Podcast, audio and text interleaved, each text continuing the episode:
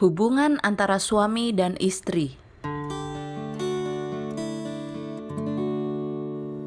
Mereka yang menganggap hubungan pernikahan sebagai salah satu upacara suci yang ditetapkan Allah, yang dijaga oleh ajarannya yang suci, akan dikendalikan oleh bisikan pertimbangan yang sehat.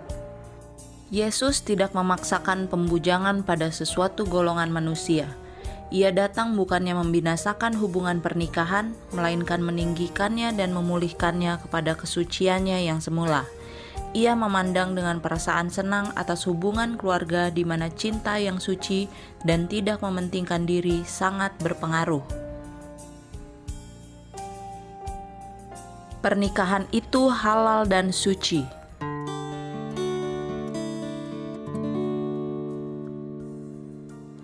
Sebenarnya tidak ada dosa dalam hal makan dan minum atau dalam hal kawin dan dikawinkan. Halal adanya kawin pada zaman Nuh dan halal adanya kawin sekarang ini. Kalau apa yang halal itu diperlakukan dengan betul dan tidak dilakukan dengan keterlaluan yang berdosa. Tetapi pada zaman Nuh, orang-orang kawin tanpa meminta petunjuk Allah atau mencari bimbingan dan nasihatnya. Karena segala hubungan kehidupan hanya bersifat sementara, maka seharusnya hal itu memberikan pengaruh yang mengubahkan terhadap apa yang kita perbuat dan katakan. Pada zaman Nuh, cinta yang tidak dikendalikan dan berlebih-lebihan yang seharusnya halal, bila digunakan dengan betul, itulah yang menjadikan pernikahan itu berdosa pada pandangan Allah. Banyak orang sedang kehilangan nyawanya pada zaman ini karena asyik memikirkan perkawinan dan dalam hubungan pernikahan itu sendiri. Hubungan pernikahan suci adanya, tetapi dalam zaman yang sudah merosot ini, hal itu meliputi segala jenis kejahatan hal itu disalahgunakan dan telah menjadi suatu kejahatan yang kini menjadi salah satu tanda akhir zaman, sebagaimana cara perkawinan yang diadakan sebelum air bah menjadi suatu kejahatan pada waktu itu. Bila sifat yang suci dan tuntutan-tuntutan pernikahan itu dipahami, pernikahan itu disetujui oleh surga sekarang pun, dan hasilnya ialah kebahagiaan kedua belah pihak dan Allah dipermuliakan. Hak-hak pernikahan. Mereka yang mengaku orang Kristen harus mempertimbangkan baik-baik akibat setiap hak hubungan pernikahan dan prinsip yang disucikan seharusnya menjadi dasar setiap perbuatan. Dalam banyak hal, orang tua telah menyalahgunakan hak-hak pernikahan mereka dan oleh pemanjaan telah memperkuat hawa nafsu hewani mereka. Pada kesempatan lain, Nyonya White berbicara tentang rahasia dan hak-hak hubungan keluarga. Melakukan sesuatu yang halal berlebih-lebihan menjadikannya suatu dosa yang menyedihkan. Banyak orang tua tidak memperoleh pengetahuan yang harus mereka miliki dalam kehidupan berumah tangga. Mereka tidak berhati-hati agar jangan setan menguasai mereka dan mengendalikan pikiran dan kehidupan mereka mereka tidak melihat bahwa Allah menuntut agar mereka mengendalikan kehidupan mereka setelah mereka menikah dari sesuatu keterlaluan. Tetapi hanya sedikit orang merasakan kewajiban untuk mengendalikan hawa nafsu mereka. Mereka telah menyatukan diri dalam pernikahan dengan orang yang menjadi pilihan mereka sendiri, dan itulah sebabnya mereka memberikan alasan bahwa pernikahan membenarkan pemanjaan hawa nafsu yang lebih keji. Malahan pria dan wanita yang mengaku orang saleh tidak mengekang hawa nafsu mereka dan tidak memikirkan bahwa Allah menuntut pertanggungjawaban mereka atas penggunaan tenaga utama yang melemahkan pegangan mereka pada kehidupan dan melemahkan seluruh tubuh. Biasakan penyangkalan diri dan pertarakan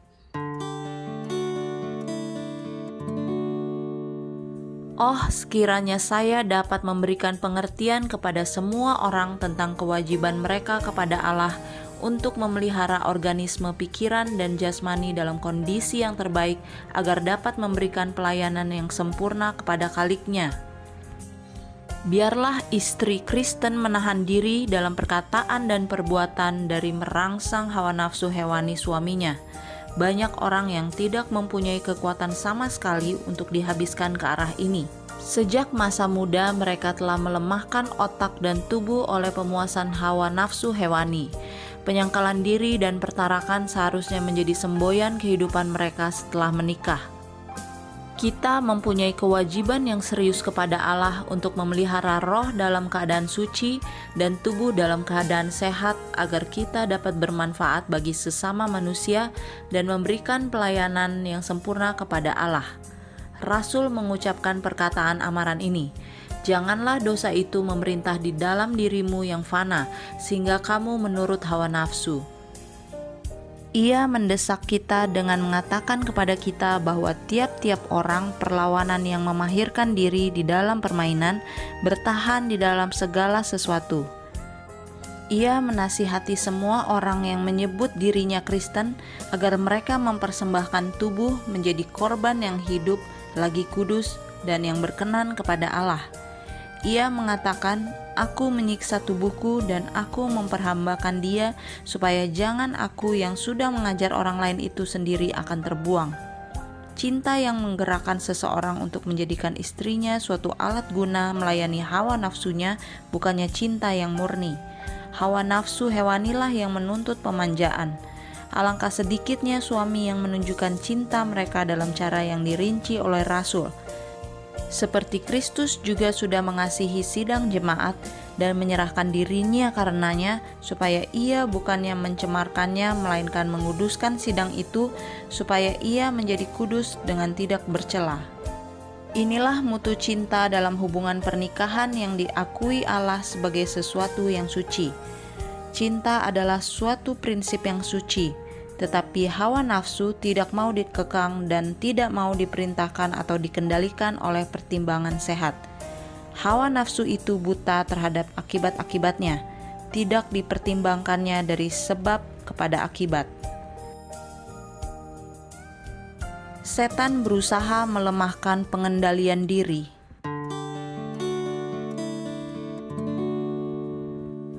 setan berusaha merendahkan derajat kesucian dan melemahkan pengendalian diri orang-orang yang memasuki hubungan pernikahan, sebab ia mengetahui bahwa pada waktu hawa nafsu yang lebih keji sedang berpengaruh, kuasa akhlak kian bertambah lemah, dan ia tidak perlu cemas lagi dengan pertumbuhan rohani mereka.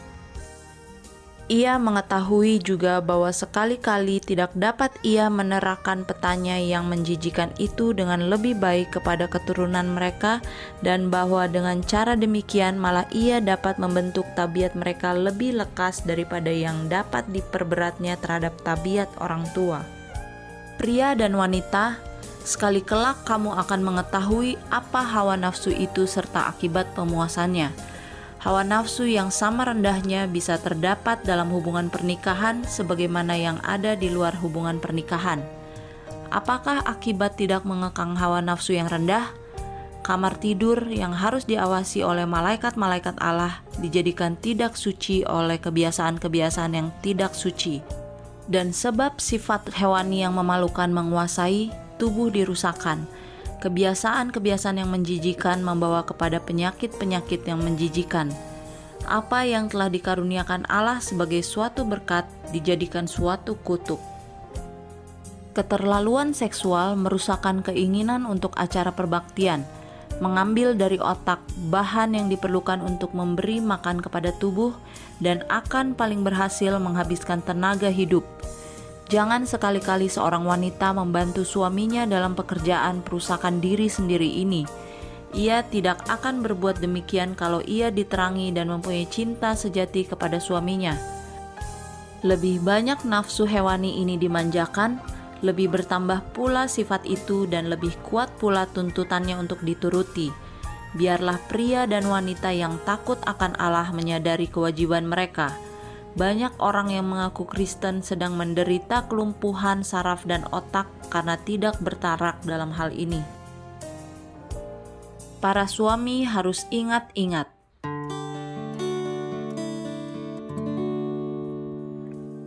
Para suami harus berhati-hati memperhatikan tetap pada pendirian, setia, dan menaruh belas kasihan. Mereka harus menunjukkan cinta dan simpati kalau mereka memenuhi perkataan Kristus, cinta mereka bukan saja berupa cinta seksual yang rendah dan duniawi yang akan menuntun kepada kebinasaan tubuh mereka sendiri dan mendatangkan kelemahan dan penyakit kepada istri mereka. Mereka tidak akan menuruti pemuasan hawa nafsu yang keji, sementara mendengungkan pada telinga istri bahwa istri harus takluk kepada suami dalam segala perkara. Bila suami memiliki keluhuran tabiat, kesucian hati, ketinggian pikiran yang harus dimiliki oleh setiap orang Kristen, hal itu akan ditunjukkan dalam hubungan pernikahan.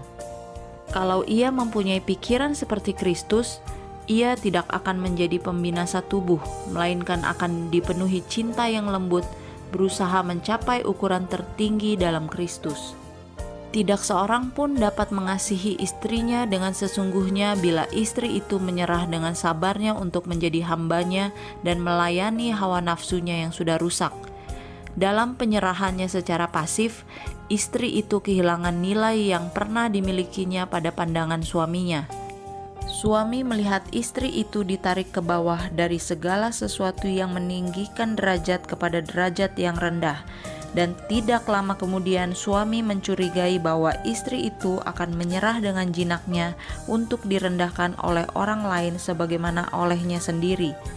Suami meragukan kesetiaan dan kesucian istri, bosan terhadapnya, dan mencari sasaran lain untuk membangkitkan dan memperhebat hawa nafsu jahanamnya. Hukum Allah tidak diindahkan.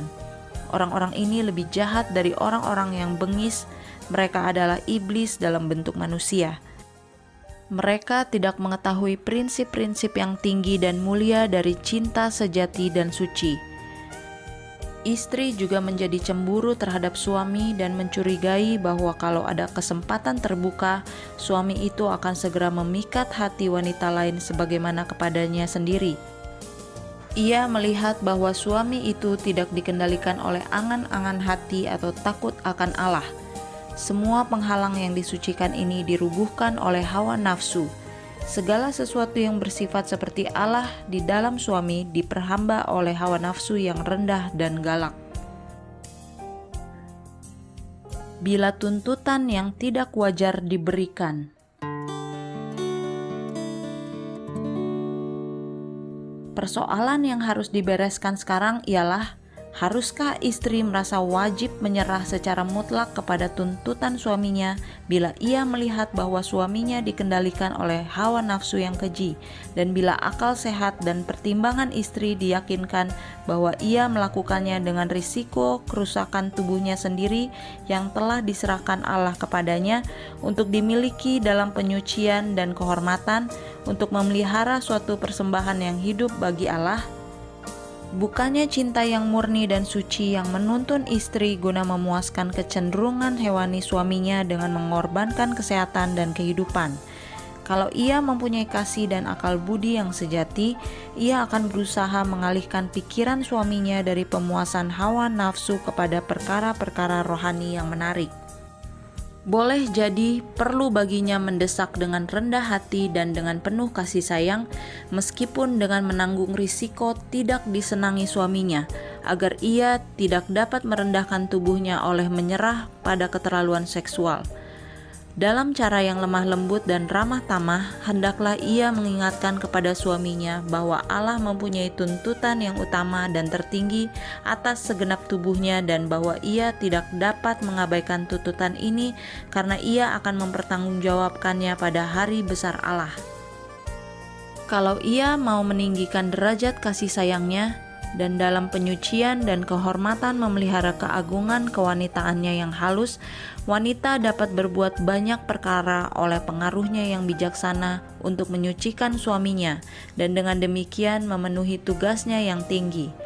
Dalam berbuat demikian, ia dapat menyelamatkan suaminya dan dirinya sendiri, dengan demikian melaksanakan suatu pekerjaan rangkap dua. Dalam hal ini, yang sangat peka dan sangat sukar diurus, banyak kebijaksanaan dan kesabaran diperlukan, serta keberanian dan kekuatan akhlak. Kekuatan dan rahmat dapat diperoleh dalam doa. Kasih yang murni seharusnya menjadi prinsip yang berkuasa dalam hati. Kasih kepada Allah dan kasih kepada suami sajalah yang dapat menjadi dasar perbuatan yang betul.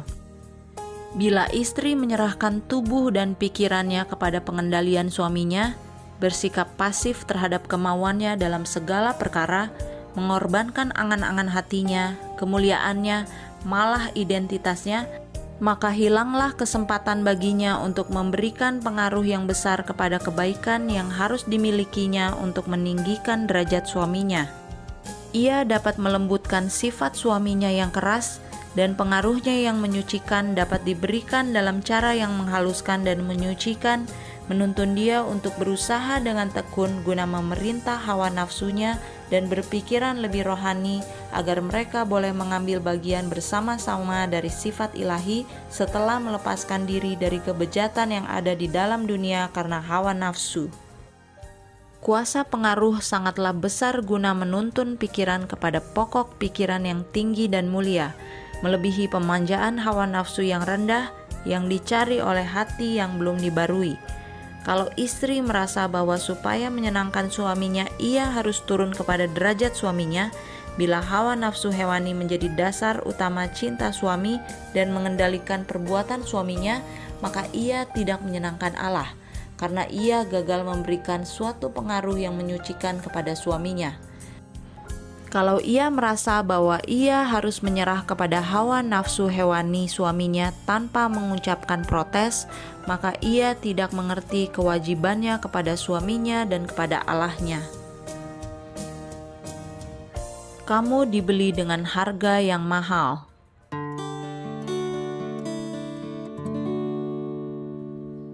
Hawa nafsu yang rendah tinggal di dalam tubuh dan bekerja dengan perantaraannya perkataan dunia atau duniawi atau hawa nafsu duniawi meliputi sifat yang lebih rendah dan bejat. Kita diperintahkan menyalipkan daging atau sifat duniawi dengan kecenderungan dan hawa nafsu duniawi. Bagaimanakah cara melakukannya? Haruskah kita menyakiti tubuh kita? Tidak, tetapi matikanlah pencobaan kepada dosa. Pikiran yang bejat harus dijauhkan setiap pikiran harus ditaklukkan kepada Yesus Kristus.